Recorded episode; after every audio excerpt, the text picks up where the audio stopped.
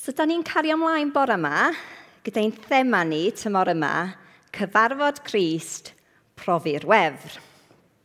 A mae hwn wedi cael ei ysbrydoli gan Salm 51, pan mae Dafydd yn, yn deud, gad i mi brofi'r wefr eto o gael dy achub gan ti. Mae'n gweddi o hyn. Ac yn y cyfres yma, da ni yn edrych ar sawl person um, yn y Beibl lle mae Iesu'n cyfarfod gyda nhw Um, maen nhw'n cyfarfod Iesu a maen nhw'n profi'r wefr. Maen nhw'n profi gwefr a maen nhw'n profi trawsffurfiad yn eu bywydau nhw. Mae bywydau nhw'n cael ei newid oherwydd bod nhw wedi cyfarfod Iesu. Ac wrth ni edrych ar y hynesion yma, ein gweddi ni ydy byddwn ni'n hefyd yn cael ein trawsffurfio a byddwn ni hefyd yn profi'r wefr o nabod Dyw, nabod Iesu. A bod yma, da ni am edrych ar y hanes diddorol yma o'r raig o Samaria. A mae gen ni pimp rhan i'r um, sgwrs bod yma. Peidiwch bod mae'r tri gyntaf rhai hirach, mae'r dau e- ola yn, yn llai ddeud ar heina. Um, cynta, cyfarfod anghyffredin. Ail, cynnig anisgwyl. Trydydd, cydnabod Christ. Pedwar, Cyfarthebu llawn cyffro a pumed fyddwn ni'n edrych ar cwestiynau i ni. A bydd y rhai observant ohonoch chi yn sylweddoli bod nhw gyd yn cychwyn hefo'r un llythyren, a nath hwnna rhoi lot o satisfaction i fi di Gwener wrth i fi paratoi hwn. Hashtag life goals. So gynta, cyfarfod anghyffredin. So chydig bach o gyd-destun i gychwyn, Um, essentially, roedd y Ryddewan a'r Samariaid yn cysau ei gilydd. Oedd y Samariaid yn grŵp ethnig oedd di ffurfio oherwydd cyd briodasa rhwng Eddewon a phobl Assyria canrifoedd cynt. Oedd nhw'n credu pethau eitha gwahanol efo rhai pethau sylwaenol. sylfaenol. Oedd y Samariad yn honeu dim ond y pimp llyfr gyntaf, o'r ysgrythyr, sef y hen testament, fel i ni'n gwybod o, oedd yn sort of, gwir, oedd yn legitimate, oedd yr Iddewon wrth gwrs yn cymryd y hen testament i gyd. Ac oedd y Samariaid yn credu bod y lle bwysig i addoli, lle addoliad, oedd ar mynydd Gerizim – Oedd nhw wedi adeiladu deml yna, oedd wedi cael ei chwalu erbyn y pwynt yma, ond dyna lle oedd ei deml nhw wedi bod. A oedd ei ryddewon, wrth gwrs yn, yn gweld Jerusalem fel y lle bwysig, dyna lle oedd y deml. Ac yn y deml oedd y, y lle mwyaf sanctaidd. A dyna lle oedd presenoldeb dew, a so i'r deml i Jerusalem o rhaid mynd i addoli. So, oedd hwn yn tywed, gwahaniaeth mawr yn be oedd nhw'n credu, ac oedd arweinwyr crefyddol y ddau ochr yn, yn rhybuddio nhw ddim i, i, i cysylltu, ddim cael unrhyw cyswllt gyda'r ochr arall. A oedd na wir casineb rhwng y drau grŵp ethnig yma. Ar cychwyn y, y stori yma, y hanes yma, da ni gweld bod Iesu angen teithio o Judea i Galilea. A mae adnod pedwar yn deud – Ar y ffordd, roedd rhaid iddo basio drwy Samaria. Wel, mae'r rhaid yma yn ddiddorol, a doedd o ddim oherwydd deiaryddiaeth.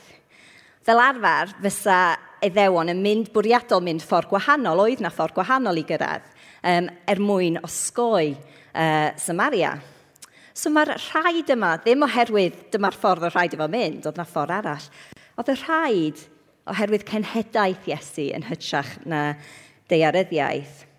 Ac wrth i ni e, dallan ymlaen yn gweld y hanes oedd y rhaid oherwydd oedd Iesu isio cyfarfod y dynas yma. Dyna pan oedd rhaid iddo mynd trwy'r ardal yma.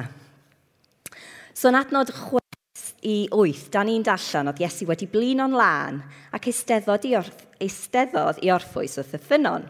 Roedd i tu a chanol dydd. Daeth graig yn ei godi dŵr, Samariaid oedd o raig, a gyfynodd Iesu iddi gau ddiod gen ti, roedd ei ddisgyblion wedi mynd i'r dre i brynu bwyd. O'n i um, yn arfer gweithio i TF, wel dwi dal yn gweithio i TF ond uh, blynyddoedd yn ôl nes i gweithio ar dŵr a glanweithdra am tua 5 mlynedd a dysgu lot am yr isiw yma. Dim o'r ochr technegol, peidiwch gofyn i fi drilio borehole na dim byd fel yna, ond ar yr ochr polisi.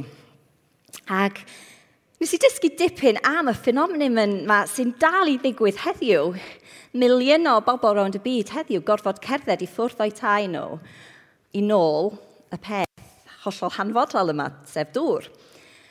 A mae'n yna sawl beth sydd yn eitha universal ar draws y byd pan mae'n dod i nôl dŵr. Y peth cyntaf ydy gwaith merch, ydy, gwaith merch ydy. Merched sy'n neud y gwaith yma, um, y mwyafrif o diwylliannol. Diwyllianna. Yr ail peth, mae o'n gwaith galed.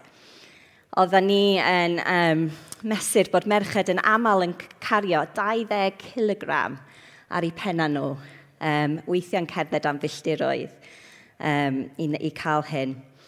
Trydydd, mewn climate sy'n South Poeth, mae merched tueddu mynd yn gynnar yn y bore ar adag mwyaf cwl cool o'r diwrnod, sa'n mynd canol dydd yn so, just ddim, you know, ddim yn digwydd mae'n tri bwyth i'r gwaith corfforol anodd yma. A'r pedwerydd, mae merched yn tueddu mynd mewn grŵp um, er mwyn diogelwch, safety in numbers, ond hefyd er mwyn cymdeithasu a cael sgwrs. So wrth i fi dallan hyn, wrth i ni sbi ar y stori yma, mae yna sawl peth sy'n neidio allan fel reit odd. Mae Iowan yn dweud bod hi'n cadw dydd, Felly yr amser mwyaf poeth, da ni'n gweld mae, mae Iesu di blino, dydy, mae'n gorfod eistedd lawr, mae, mae mor poeth. A mae'r dynas yma ar ben ei hun. Pam? Wel, mae'n debyg wrth i ni dallt y stori gyd a dallt y cyd-destun, mae'n debyg bod y dynas yma wrth y ffynon ar ben ei hun yn canol dydd yn y gres, oherwydd bod hi'n trio ysgoi bobl. Oherwydd mwy na thebyg oedd hi wedi cael ei gwrthod gan y cymdeithas. Oedd hi'n socialist. A so dyma hi ar ben ei hun um, wrth y ffynon. So jyst i recap sydyn, mae Iesu wedi mynd allan o'i ffordd i gyfarfod rwy'n. Pwy? Un dynas. Roedd hyn yn cyd-destun eithriadol o batriachaidd. Doedd dynion i ddewig ddim yn siarad hefo merched yn coeddus, dim hyd yn oed i gwragedd nhw. Okay? So mae'r ma mae'n anodd i ni dall yn cyd-destun yma, ond mae'r ffaith bod Iesu yn siarad hefo dynas yn, um, yn, yn twyd mor countercultural. Dim jyst dynas, dynas o Samaria. Fel mae'r testyn y deud, oedd yr Eddewon yn gweld merched o, me, um, pobl o Samaria'n aflan. Oedd y dau grŵp yn cysau gilydd. So dynas, dynas o Samaria a dynas a'r gwylod gymdeithas, social outcast. Os yna problem efo'r sŵn, di o'n iawn? Di o'n oce? Okay? Yndi, yeah, lovely. A dwi wir braidd yn uchel.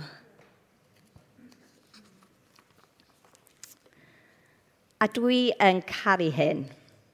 Mae Iesu yn croesi ffiniau dydy, ffiniau hiliol, rhywiol, cymdeithasol. Mae'r barriers ddim yn barrier i Iesu. Mae o'n croesi nhw er mwyn rhannu gwirionedd gyda hi. So symud ymlaen i'r ail um, pwynt, cynnig anusgwyl. So mae beth sy'n dilyn wedyn yn y testyn hir yma Y drafodaeth diwynyddol hirach un i un mae Iesu'n cael hefo rwy'n sydd wedi cael ei recordio yn yr ysgrysur yn yr efengelau. Diddorol yn de. Y sgwrs hirach diwynyddol un i un. A mae o gyda'r dynas yma, a dynas sydd ar gwylod ysgol gymdeithas. A dwi'n gwybod os da chi erioed wedi cael sgwrs lle Mae chi'n sort of siarad, ond mae'n dod reit amlwg bod y person ti'n siarad hefo ar ryw wavelength gwahanol i chi. mae'n digwydd i fi lot, rwy'n gwybod beth mae hwnna'n deud. Ond ti fel, e? Mm, a wedyn, o, dwi'n dall. Mae'n yeah, ma digwydd lot. Ma, um, a mae hwnna'n mynd ymlaen fama, dydy. Mae nhw, mae Iesu a'r dynos yma ar wavelengths reit gwahanol yn, i ddechrau. A wedyn, yn, yn addfwyn a graslon, mae Iesu'n arwain y dynas yma i'r o. So gad i ni edrych ar y sgwrs a sy'n ma'n mynd ymlaen. So mae Iesu wedi gofyn am ddiod a mae'r dynas wedi dweud, sut ti'n gallu godi fi am ddiod, dwi'n gwraig a dwi o Samaria. So adnod deg a tebodd Iesu, Tasa ti ond yn gwybod beth sydd gan Dyw i roi i ti, a phwy ydw i'n sy'n gofyn i ti am ddiod? Ti fydda'n gofyn wedyn, a byddwn ni'n rhoi dŵr bywiol i ti. Na mae'r dynas ddim yn dallt be mae Iesu deud yma. I fod yn deg, mae hynny reid dealladwy ar y pwynt yma yn y sgwrs. So, syr meddwl rhaeg, ble mae'r dŵr bywiol yma sydd gen ti? Does gen ti ddim bwced i godi dŵr ac mae'r pydew yn dofyn. A tebodd Iesu, bydd syched eto'r bawb sy'n yfed y dŵr yma, ond fydd byth dim syched ar y rhai sy'n yfed y dŵr dwi'n ei roi. Yn wir bydd y dŵr dwi'n ei roi yn troi'n ffynon o ddŵr tu mewn iddyn nhw, fel ffrwd yn llifo i fywyd tragwyddol. Waw. So mae Iesu fama yn neud claim yn honni bod gynna fo rhywbeth sneb arall gyda. Dim ond fo sy'n gallu cynnig hyn. A mae o'n deud mae o'n gallu cynnig bywyd tragwyddol sy'n cychwyn rwan. Mae'n sôn am y ffynon o dŵr tu mewn iddyn nhw fel ffrwd yn llifo i fywyd tragwyddol. Iachadwriaeth, bywyd. Sylwch adnod deg, mae Iesu yn cyfeirio at y, bwyd, at y dŵr bywiol yma fel rhodd. Mae hwnna'n rili really bwysig. Mae'r pwyslais a gras a haelion i dew. Iesu sy'n rhoi y dŵr yma. Sdim byd da ni gallu wneud i ennill o. A mae'r ffrwd yn llifo i fywyd tragwyddol yn iaith o fywyd grymus yn tydi, fywyd egniol a helaeth. A dyna mae Iesu'n cynnig, dyna'r iachadwriaeth mae Iesu yn cynnig. Mae o'n deud, Fo ydy ffynhonell bywyd, a mae o'n rhoi y dŵr sy'n bodloni am beth dim byd arall yn bodloni ni fel y dŵr, y, y bywyd mae Iesu'n cynnig. A di o ddim yn deud fydd bywyd yn hawdd pan ti'n dod y Grisian, dim o gwbl. Ond mae o'n deud, mae be mae o'n cynnig yn golygu fedrwn ni'n cael bodlonrwydd, sicrwydd, rhyddid. Dydy pethau arall mae'r byd yn cynnig ddim yn gallu roi i ni. A felly mae'r gwraig yn ateb, Sir, rho beth o'r dŵr hwnnw i fi. Fydd ddim sychrad arna i wedyn, a fydd dim rhaid i mi ddal ati i ddod yma i nôl dŵr. Dim cweith ar yr un wavelength eto. Ond mae'n dall, mae'n dechrau dall, mae'n dall bod yna cynnig da yma, yn dydy? Mae'n dall bod o rhywbeth mae hi isio, ond mae'n dal yn meddwl dŵr llythrenol mae Iesu'n sôn am. A wedyn, mae'r stori yn cymryd rhyw twist reit odd ag anisgwyl. Adnod 16-18. Yna dywedodd Iesu wrthi, dos i nôl dy ŵr, a thyrd yn ôl yma wedyn. Does gennau ddim ŵr, meddai rhaeg. Ti'n iawn, meddai Iesu wrthi, does gen ti ddim gŵr. Y gwir ydy dy fod wedi cael pimp o wir, a ti ddim yn briod i'r dyn sy'n byw gyda ti bellach. Ti'n dweud y gwir. Nawr, Be sy'n mynd ymlaen fama? Dwi wedi reslo dipyn hefo hyn dros yr wythnosau dwythau, na i bod yn onest. Mae wedi bod lot o speculation yn lot o'r commentaries bod y dynas yma um, yn rhywun pechadurus iawn. Lot o speculation am ei fywyd hi a, a be mae hyn yn golygu a bod hi'n rhywun pechadurus. Ond, os da ni'n ystyried y cyd-destun o briodas, a ffatriachaeth yn y ganrif gyntaf, mae yna dowt dros hwn dwi'n meddwl. Mae yna rhesymau eraill sa'i gallu bod yn y sefyllfa yma. Ella bod gwir na rhai o nhw wedi marw. Yn, yn aml oedd genod yn priodi yn ifanc iawn, i dynion hun, so yn aml sa'r dynion yn, yn marw cyn y merch. Ella bod hi wedi cael sawl ysgariad, Ond yn anhebyg iawn sa hyn yn dewis hi, oedd merched ddim rili really yn cael dewis wneud hynny. Dynion, oedd dynion yn cael, ond y sawl rheswm oedd dynion gallu ysgaru. Oedd o'n anodd, sa fod i bod yn anodd i ddynas dewis wneud. Ella bod hi wedi bod yn anffyddlon, ond fysa dyn arall yn, marw, yn um, priodi hi os, os fysa hynna wedi digwydd? Mae deu mae'n byw yn efo dyn o ddim i, i gŵr hi, alla bod hwnna yn last resort, alla bod hi'n desperate. Oedd, oedd, oedd lle merched yn gymdeithas mor, mor vulnerable. Os oedd gen ti ddim dyn i, i you know, edrych, edrych ar ôl chdi yn y, yn y ffordd yna, oeddech chi'n vulnerable iawn. So, da ni'n gwybod na dan. Ella bod hi ddim eisiau cymitio i neb arall mewn prodas ar ôl gwynebu hyn i gyd. Um, da ni ddim yn gwybod ydy'r ydy, gwir, ond dwi'n meddwl mae yn, ddyliau ni ddim just jympio i, i conclusio bod hwn yn, yn tywod, dynas pechaduris. Da ni'n yn gwybod hynny. Ond mae'n amlwg o'r, or be da ni wedi dallan gyn bod hi wedi cyrraedd y pwynt lle mae pobl yn ysgoi hi, a mae hi'n ysgoi bobl eraill am rhyw rheswm. Ella bod na fai arni hi, ella wir, ond ella bod hi'n victim i amgylchiadau anodd ac anffodus ac anheg. Da ni'n gwybod, ond mae hi wedi bod trwy lot do, mae hi wedi bod trwy poen a ddi a dwi'n caru does na ddim geirio condemniad gyn Iesu fama iddi hi. Mae Iesu jyst yn llawn gras a chariad tuag ati hi. A dwi'n meddwl, ar ôl reslo hefo hyn, ar ôl dallan dipyn, dwi'n meddwl mae yna dau peth yn mynd ymlaen yma.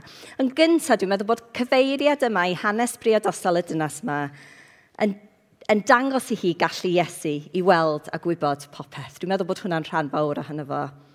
A hefyd, dwi'n meddwl bod yna cysylltiad uniongyrchol rhwng y pwynt yma a be mae Iesu newydd deud. Mae Iesu newydd deud fo sy'n cynnig y dŵr bywiol sydd yn arwain at bywyd tragwyddol. Mae newydd deud yn the fo, mae heddwch, bodlonrwydd, ystyr, security. A wedyn mae'n troi at y maes yma o bywyd y dynas yma. Ella oherwydd dyma lle mae hi angen y dŵr bywiol yna y mwyaf. Dyna lle mae hi angen um, gras a chariad a trawsffurfiaeth Iesu. Mae Iesu yn gwybod i calon hi. Ella mae o'n deud mewn gras a, a chariad. Ferch, ti wedi bod yn sbio yn y lle anghywir am bodlonrwydd, am, am, am ystyr, am cariad. Dim ond diw fedrith throi y pethau yma yn wir. A sut mae'r dynas ymateb wedyn? A dyna mynd â ni ymlaen i'r trydydd pwynt, cydnabod Christ. So, adnod na 19 i 20. Dwi'n gweld fod ti'n proffwyd, syr, meddwl rhaeg. Dweud wrth ei, fod roedd ein hynafiaid, ni'r Samariaid yn oddoli ar y mynydd hwn, ond da chi'r addewon, y mynd mae Jerusalem ydy'r lle i addoli. Iawn, ydy hwn yn diversion tactics? Ydy hi fel, oce, okay, mae Iesu wedi gofyn am love life fi, dwi ddim really eisiau siarad am hyn. Um, na i jyst trio taflid i fewn, you know, theological uh, grenade i, i newid y pwnc. Neu, ydy o'n cwestiwn genuine o ddynas sy'n trio dall yr implications o be mae hi'n clywed Trio dall be mae Iesu yn dweud yn y cyd-destun yma, cyd-destun o Samariaid a Iddewon yn cysau i gilydd. A mae Iesu yn ateb yn glir. Dych chi Samariaid ddim yn gwybod be dych chi'n eiddoli go iawn, dyn ni'r Iddewon, yn nabod y diw, dyn ni'n eiddoli. A mae drwy'r Iddewon, mae achubiaeth yn diw yn dod. So diolch yn um, dim watering down o be twod, oedd yr ddewon yn credu yn hyn. Ond mae'r amser yn dod ac mae'n yma yn barod pan fydd ysbryd Dyw yn galluogi pobl i, i addoli Dyw fel y mae mewn gwirionedd. Pobl sy'n addoli fel hyn sydd gan Dyw eisiau. A fel roeddwn ni'n sôn yn y cychwyn, roedd yr, yr isiw a lle oedd, y lle oedd addoliad yn rili really bwysig i'r addewon a Samariad. A be mae Iesu deud fa yma yn hollol, hollol rhyfeddol? Cos mae o'n deud, fydd y deml yn colli i arwydd y cad fel y lle ar gyfer addoliad. Mae o'n deud, yn lle, mae'n deud mae'r amser yn dod, oce? Okay? Lle fydd hyn ddim yn bwysig, fydd y lleoliad ddim yn bwysig. Oedd hwn yn deud mawr iawn. Yn y groeg, mae'r amser yn dod, y gair ydy mae'r awr yn dod. Ac yn llyfr Iowan, pob amser arall mae o'n sôn am yr awr yn dod, mae o'n sôn am farwolaeth o. A felly mae Iesu yn deud, mae'n amser yn dod, a da ni'n gwybod wwan yn edrych nôl, mae o'n amser yn dod pan fyddai'n fyddai marw ac atgyfodi. A oherwydd hynny, fydd addoliad yn newid oherwydd fydd, yr, you know, fydd y teml yn colli i ystyr yr arwyddo cad. Iesu di'r deml newydd, a mae'r ysbryd glân am ddod, a'r ysbryd glân fydd yn galluogi ni i addoli. A mae o dim am lle da ni'n addoli, mae am sut, mae am beth sydd yn, yn calon na ni. Meddai'r rhaeg adnod 25. Dwi'n gwybod fod y Mesoea sy'n golygu'r un sydd wedi'n eneinio'n frenin yn dod, pan ddawe fydd yn esbonio popeth i ni. Eto, di hwn yn diversion tactic to taflid rhywbeth newydd i fewn? Neu ydy'r gwir yn dechrau gwawrio? Ydy hi'n cychwyn gweld beth sy'n mynd ymlaen yma? Oedd yr iddewon a'r Samariaid yn aros am y Mesoea, yr un oedd Dew am yri i achub ei bobl, yn llythrenol yr un sydd wedi eneinio. Ac yna mae Iesu'n ateb hi, fi ydy e, yr un sy'n siarad â ti. Dyma'r unig amser cyn ei dreul o flaen peilot, cyn i fel marw, lle mae Iesu'n deud yn blwnt ac yn blaen, ta fo ydy'r Mesoea. A mae o'n deud o'i ddynas sydd ar gwylod ystol gymdeithas. A dyma lle, mae pethau yn disgyn i mewn i'r lle i'r dynas yma. Mae'r dotia yn cysylltu. Mae'n dall bod y dyn o flaen hi, y Mesoea, yr achubwr. Ydych chi'n sylwi y daith mae'r dynas yma wedi bod ar? Mae'n ma hyfryd, dwi wedi rili really mwynhau mynd dros a dros y testyn. Cos mae'n cychwyn yn deud syr, tydi. Sort of dyn da, mae'n gweld athro da alla. Mae'n gweld bod hwn yn rwy'n rwy'n da. A mae'n symud i deud, o, oh, fedrai gweld ti'n broffwyd. Rwy'n sy'n, you know, mae Dyw di, di danfon ella, rwy'n sy'n dod â neges Dyw. A wedyn, y Mesoea, yr achubwr, Dyw. A mae yna pobl yn ein byd heddiw, yn gymdeithas heddiw, sydd yn dweud, wel ia, dwi'n gweld bod yna uh, tystiolaeth you know, grif iawn bod dyn o'n nhw Iesu di byw ar y ddeiar, a mae yna. Mae'n anodd iawn edrych i fewn i hanes o deud doedd na ddim Iesu o gwbl. You know. So maen nhw'n credu hwnna. Mae'n siŵr jyst athro da oedd o. Oedd o'n deud pethau da. Mae yna rhai mwslemiaid i gyd yn cydnabod Iesu fel broffwyd. Ond actually, da ni edrych ar y testyn yma. A mae'r dau ateb yna ddim yn bosib, cos mae Iesu'n deud na fi ydy'r Mesoea. A felly, yn logical, does na ddim ffordd, os mae rhywun yn deud nhw di'r Mesoea, bod nhw'n gallu bod yn person da, neu maen nhw'n deud clwydda neu, neu gwaith. A dwi am quotio C.S. Lewis fa yma, um, cos mae o'n deud yma o'n ffordd lot gwell na fi. So mae hwn C.S. Lewis yn llyfr Mere Christianity. I'm trying here to prevent anyone saying the really foolish thing that people often say about him. I'm ready to accept Jesus as a great moral teacher, but I don't accept his claim to be God. That is one thing we must not say. A man who was merely a man and said the sort of things Jesus said, like, I'm the Messiah, dim C.S. Lewis did fi, um, would not be a great moral teacher. He would either be a lunatic on the level with the man who says he's a poached egg, or he would be the devil of hell. You must make your choice. Either this man was and is the Son of God, or else a madman, or something worse. You can shut him up for being a fool. You can spit at him and kill him as a demon, or you can fall at his feet and call him Lord and God. But let us not come with any patronizing nonsense about him being a great human teacher. He's not left that open to us. He did not intend to. I'm a C.S. Lewis mynd ymlaen i ddeud, Now it seems to me obvious that he was neither a lunatic nor a fiend, and consequently, however strange or terrifying or unlikely it may seem, I have to accept the view that he was and is God. Dach chi'n weld, dydy o ddim yn bosib, logically, yn dallan y stori yma i deud oedd Iesu jyst yn dyn da, achos mae o'n deud bod yr er Ymeseia. A felly mae o'n un clwydda neu'n delusion, neu yn gwirionedd. A mae'r dynas yn cymryd o fel gwirionedd. A so ymlaen i'r pedwerydd pwynt, a da ni bron yn, y, um, yn dod i fewn i'r diwedd.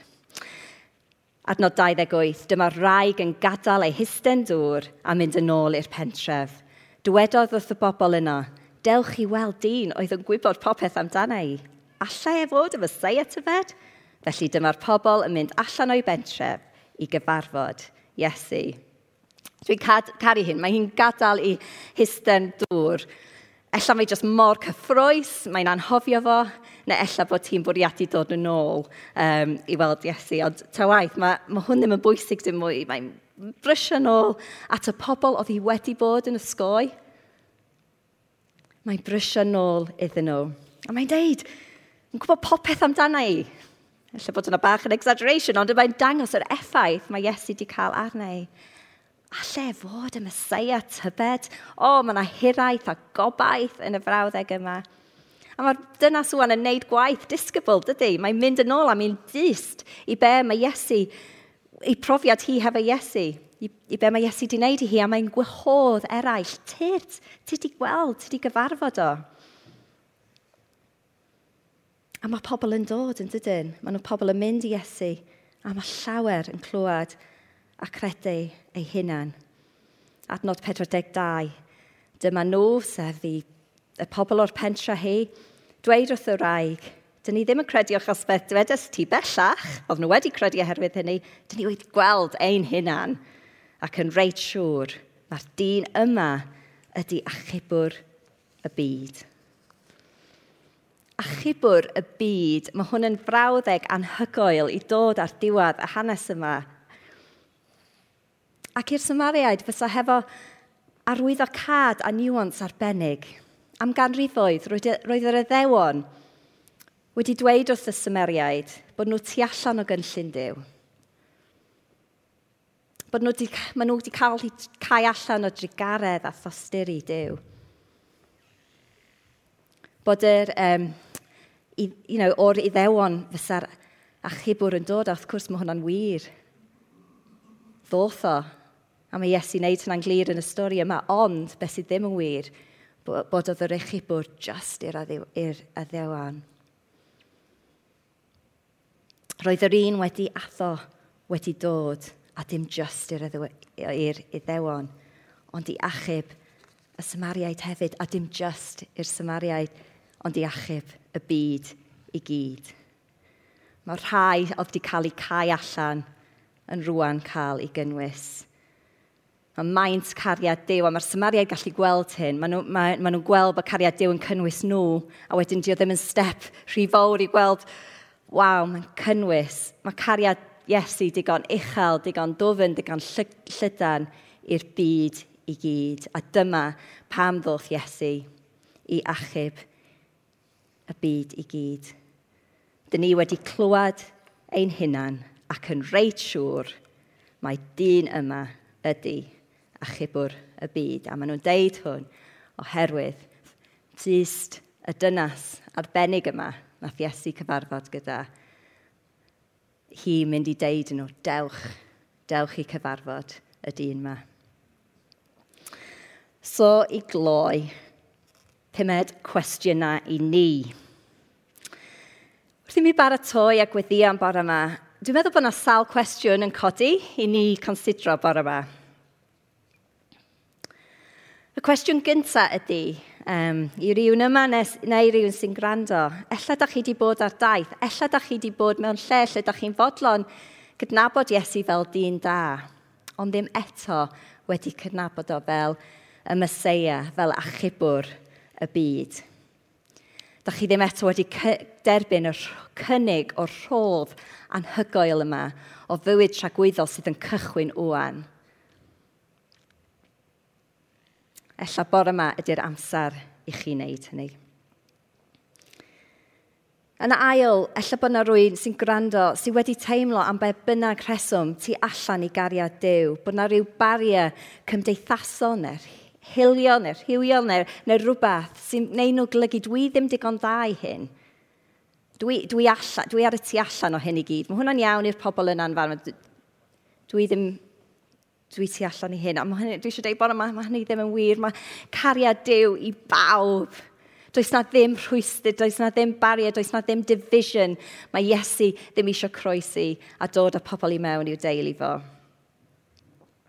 Yn drydydd, ella bod na pobl yma neu'n gwrando sydd wedi bod yn grisnogion am amser hir. Ac ella pan oedden nhw'n newydd dod yn gristion, oedden nhw fel y dynas yma, oedden nhw eisiau deud i bawb, dewch i gyfarfod Iesu Ond fel i'r blynyddoedd mynd ymlaen, alla, mae'r peth o'r sil yna wedi cael ei colli. A da ni eisiau dod nôl bore yma a dweud, dwi eisiau profi'r gwefr unwaith eto, fel y dynas yma cael ei ysbrydoli eto i dilyn Iesu ac i fod yn efydd iddo fo a rhannu am ei gariad gyda eraill.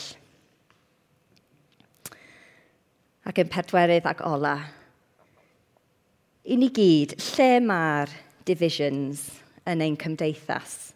Lle mae'r gwahaniaethau gwleidyddol, crefyddol, hiliol, cymdeithasol yn ein cymdeithas yn Gogledd Cymru heddiw. Sut ydym ni medru bod yn countercultural fel Iesu yn torri trwy'r divisions yma?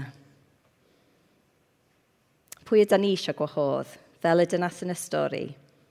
i ddod i gyfarfod Iesu. Amen. So ni'n licio gweddio wan am chydig, ond dwi'n am gwahodd y band i fyny. Um, a wedyn, os ydych chi'n gallu dechrau chwarae, na i gweddio na ni gorffan mewn can. Ond os ydych chi'n licio sefyll wrth i fi um, gweddio cyn i ni mynd i fewn i'n can ola.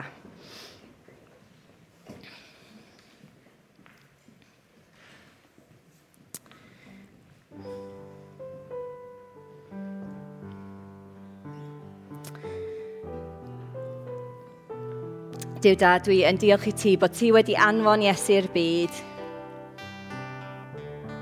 A mae'r cynnig o achubaeth trwydd Iesu yn croesi pob ddyn, yn croesi pob rhwystyr.